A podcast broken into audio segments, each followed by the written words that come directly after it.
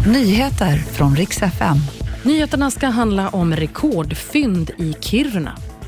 Och så ska det handla om Saudiarabien som försöker locka till sig Messi med ett nytt miljardkontrakt.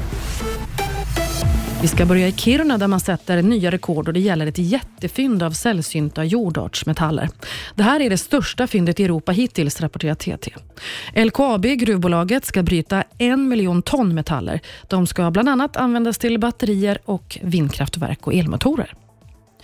Vården i Stockholm verkar äntligen ha fått det lite lugnare. Flera sjukhus går ner från stabsläge till normalläge.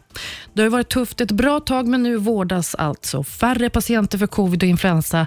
Men smittspridningen är fortfarande hög, så därför vill regionen att vi fortsätter följa rekommendationer och vaccinera oss. Och Saudiarabien är ute och shoppar fotbollsspelare igen. Nyligen så lockade man ju över Ronaldo till klubben Al Nasser. Han fick ett välkryddat rekordkontrakt. Den här gången så vill man köpa Messi.